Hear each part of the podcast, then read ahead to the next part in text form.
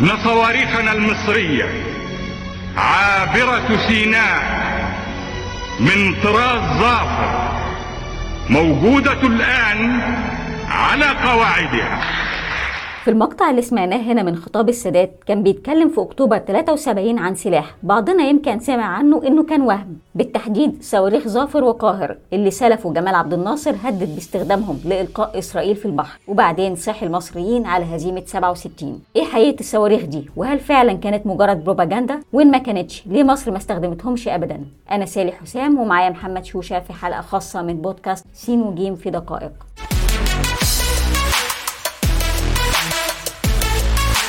هل مصر امتلكت في تاريخها سلاح حقيقي اسمه صواريخ ظافر وقاهر؟ طبعا يعني إحنا ما عندناش أي درجة شك تماما في النقطة دي السادات لما هدد بإنه هيستخدمهم لضرب العمق الاستراتيجي الإسرائيلي فهو كان في الوقت ده بيتكلم عن حقيقة عسكرية. ولما عبد الناصر اتكلم عنهم فهو كان برضه بيتكلم عن واقع. بنتكلم بالتقريب يعني عن 400 صاروخ بعيدة المدى المسيد شاف في لحظة معينة من التاريخ إنها كانت قادرة تمسح إسرائيل من على وش الأرض. طب وإزاي مصر امتلكت سلاح زي ده في الفترة الصعبة دي؟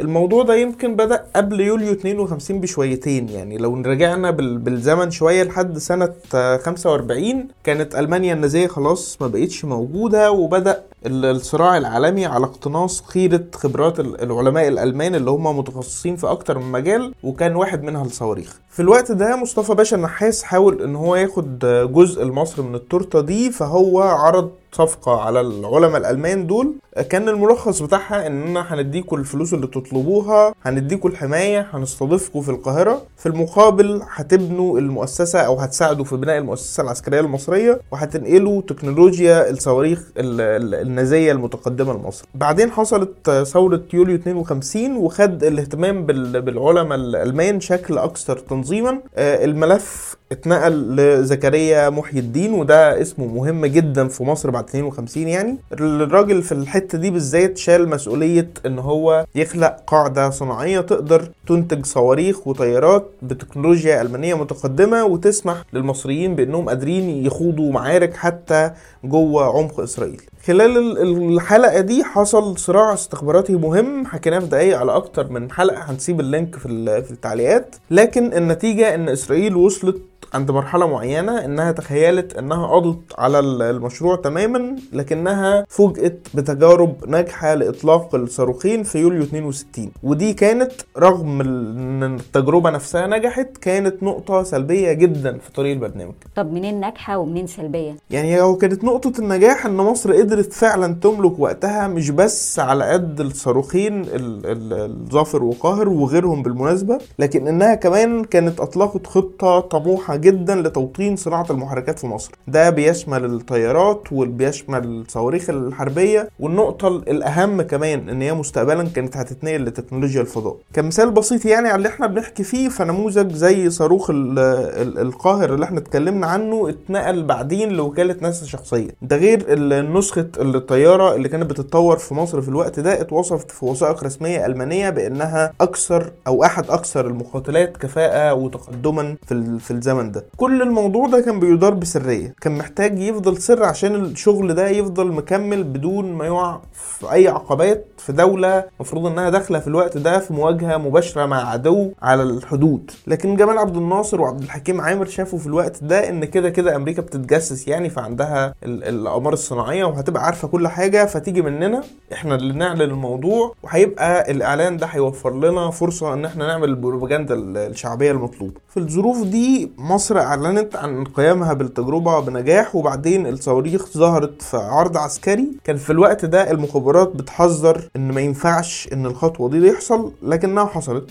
وهنا جه دور المفاجأة المهمة إن إسرائيل فعلا قبل الإعلان الرسمي ما كانتش عندها معلومات حقيقية عن إن مصر بتعمل حاجة أصلا. فأنت كأنك قدمت لهم إن أنا أنا البرنامج كله اتقدم لها على طبق مفضل. تحت تأثير المفاجأة دي إسرائيل أطلقت عملية استخباراتية ضخمة عشان تغتال أو على الأقل ترهب العلماء الألمان وعائلاتهم سواء جوه مصر أو بره في الدول التانية يعني. الجاسوس اللي أدار العملية دي صحيح مصر قدرت تسقطه بعدين لكن كان التاثير التأثير وصل والرسالة وصلت والعلماء الألمان فعلا بدأوا يسيبوا القاهرة ويشوفوا أماكن تانية يدوها نتيجة خبراتهم ويكملوا فيها أبحاثهم. يعني كده كان وهم فعلا زي ما بيقولوا؟ هنا يعني ال- الموضوع ده شويتين مش دقيق لأن صحيح البرنامج وقف وبالتالي التطوير اللي كان مفروض يدخل عليه ما حصلش لكن في صواريخ أنتجت فعلا وكانت موجودة في مخازن ال- المصرية. يعني هنقدر نقول مثلا إنها كمان كانت لحد حرب أكتوبر 73 كانت صالحة للاستخدام. يعني حتى الناس اللي شككوا في تهديد ال- السادات خلال الحرب بإنه يستخدم الصواريخ ال- الظافر في استهداف العمق الإسرائيلي منهم مثلا مثلا يعني سعد ال- الدين الشاذلي زي ما كتب في مذكراته قالوا إن هم كانوا كانوا موجودين فعلا. النقطة الأهم هنا كانت المناورة إن إحنا التهديد نفسه لما أطلقوا السادات في الوقت ده بحسب وثائق إسرائيلية وشهادات عسكريين مصريين أجبرت القيادة الإسرائيلية إنها تنهي حرب كانت ناوية تروح لها بداية من معركة المنصورة الجوية كانت بتحاول من خلالها إن هي تخفف الضغط اللي كان حاصل على الجبهة الرئيسية في سيناء بإنها تصدر ال- ال- المعركة لل- للعمق المصري وإن المعارك لما تحصل تبقى فوق ال- المدن المصرية اللي جوه يعني. فبالتالي سواء